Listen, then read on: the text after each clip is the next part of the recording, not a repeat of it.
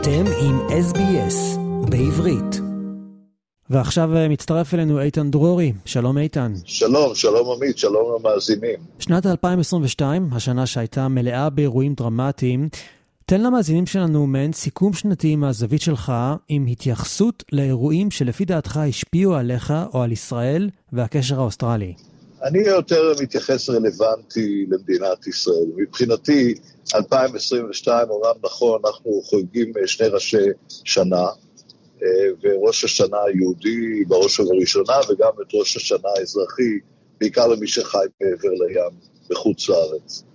ואני חושב שהאירוע הכי רלוונטי הוא דווקא אה, פירוקה אה, של ממשלת הימין שמאל-מרכז, בראשותו של, אומנם לפיד היה ראש הממשלה השני החלופי, ראש הממשלה הראשון לדעתי עשה היסטוריה, מדובר נפתלי בנט, שבבחירות אה, לכנסת ה-24, במרץ 2021, נבחר לראשונה ראש ממשלה חובש כיפה.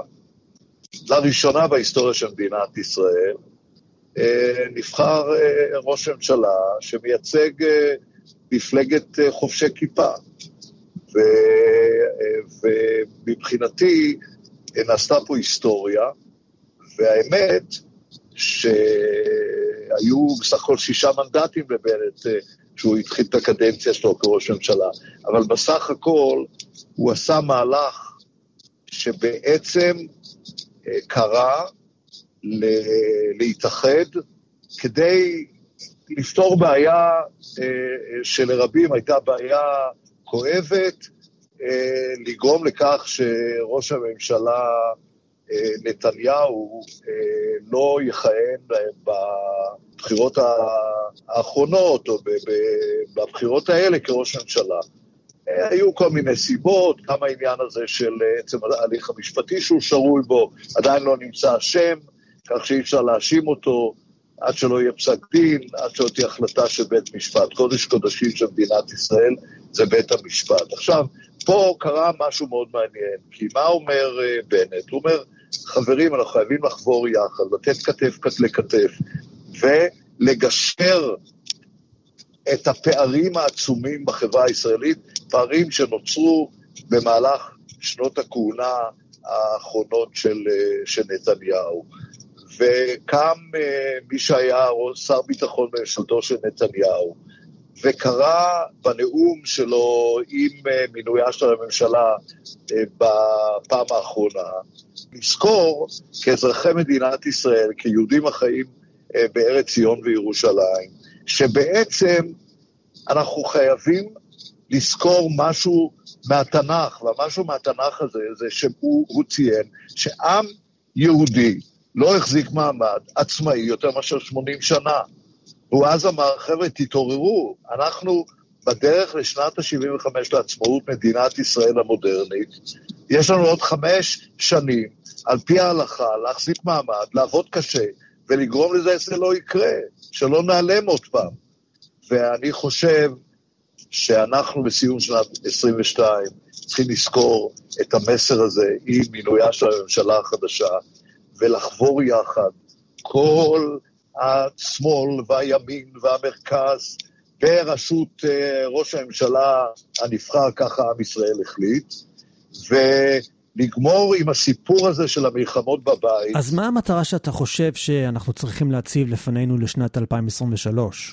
אני חושב שהמטרה שלנו ב-2023, של כולנו, ישראלים בחוץ לארץ, ישראלים בארץ, אה, אה, תקרא לזה איך שאתה רוצה, חייבים לעבוד קשה מאוד על החברה הישראלית הזו, שנוצרו בה חורים ענקיים, פערים, אפילו שנאה מבית, שנאת חינם. די, מספיק עם זה. זה מה שאני חושב שצריך להיות ב-2023, וב-2022 אני חושב שהייתה לנו שנת לימוד, לימוד חברתי, לימוד פסיכולוגי, לימוד מנטלי. צריך לאחת ולתמיד ללמוד שאי אפשר יותר למתוח את המסטיק על כבישי ישראל ולראות כך הרבה נפגעים והרוגים. זה כן. פשוט נורא, ודי, אנחנו צריכים לכבד אחד את השני, כמו שאני זוכר בתור ילד בשנות ה-60 וה-70 בירושלים, להגיד שלום אחד לשני, להראות סובלנות, לא לריב, לא לריב על, על, על היו מקרי רצח נוראים אה, במהלך אה, השנים האחרונות בגלל מקום חנייה. לאן הגענו? תשמע, האלימות רק הלכה וגברה בישראל בשנים האחרונות. שים לב, למשל, אה, בחברה הערבית בישראל יש נרצחים כל שבוע.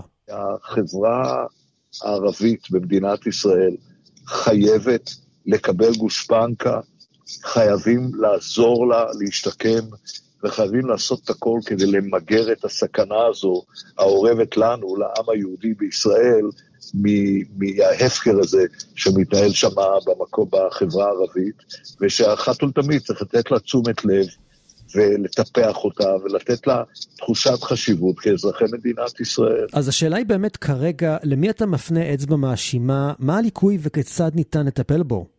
זו שאלה מאוד מאתגרת, כי אני לא מתכונן אה, אה, לקחת את ההזדמנות הזאת ברדיו חשוב ביותר לקהילה היהודית-ישראלית באוסטרליה ולצאת בביקורת מרחוק על אה, מנהיגים בישראל, אלא אני חושב שאנחנו צריכים לעשות שני דברים. אחד, זה אם אנחנו Start-up Nation, ואנחנו עוזרים בכל המדינות בעולם במנטוריות, בלעזור לסטארט-אפים, להתקדם והכול, אנחנו גם צריכים ללמוד מאחרים איך לנהוג במקומות שאנחנו לא טובים בהם. ואני אומר לך, אני קורא פה בשיחה הזאת ביני לבינך, למנהיגים חדשים בישראל או חדשים ישנים, ממונים על משרדי ממשלה, אפילו השר לביטחון פנים שאחראי גם על המשטרה, ולשר החקלאות הנכנס דיכטר, ולשרים אחרים בספורט, לקשור קשר כמה שיותר עם ממשלת אוסטרליה, ולעשות הכל ללמוד ממנה,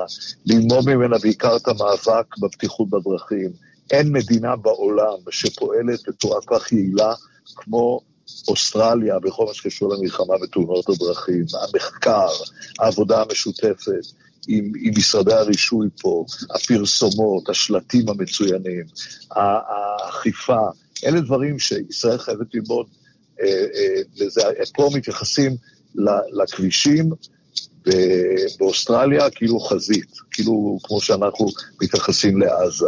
ואני חושב שזו ההזדמנות היום, עמית, גם שכולנו נהיה שרירים של, של רצון טוב ונגיד, בכל הזדמנות למי שאנחנו פוגשים, אם זה חברי כנסת, אם זה, אם זה חברי ממשלה, אם זה אורחים כמו בנט, שאמור להגיע עכשיו לדבר ל-UIA, לקרן היסוד באוסטרליה, אה, כדובר מרכזי בפתיחות אה, מגביות שלהם בפברואר, להגיד, תעזור לנו, תעזור לנו להביא את אוסטרליה לישראל וגם לתרום לה, לא רק לקבל ממנה.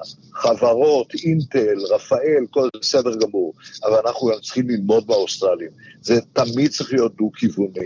יש מלחמה בפשע מאורגן, היו פה מפכ"לים נהדרים בוויקטוריה, אין פשע מאורגן יותר, ולמה אין? אולי יש, אבל לא שומעים על זה. אבל, וכל מה שקשור לפשע בישראל, ולמנטליות הזאת.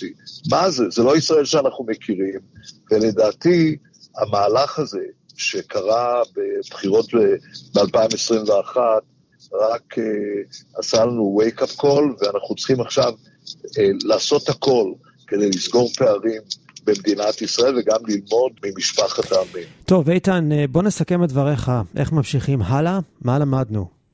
אני חושב שהשיעור הזה של 2022 שיעור בכל פרמטר אם uh, בדברים האיומים שקורים בארץ לאורך השנה הזו.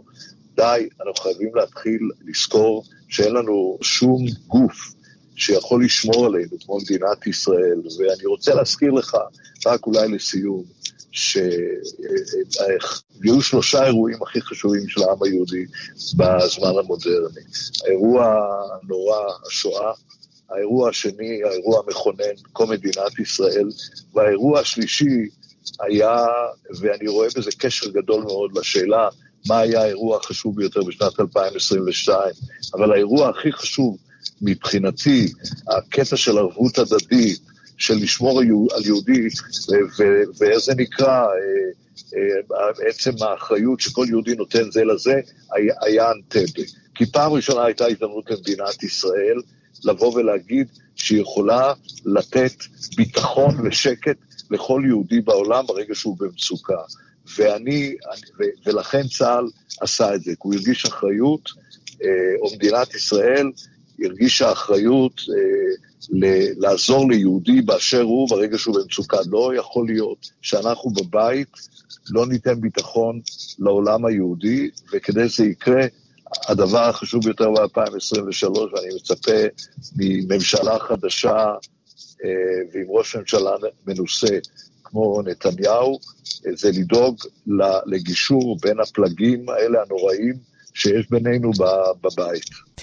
איתן דרורי, תודה רבה. עקבו אחרינו והפיצו אותנו דרך דף הפייסבוק שלנו.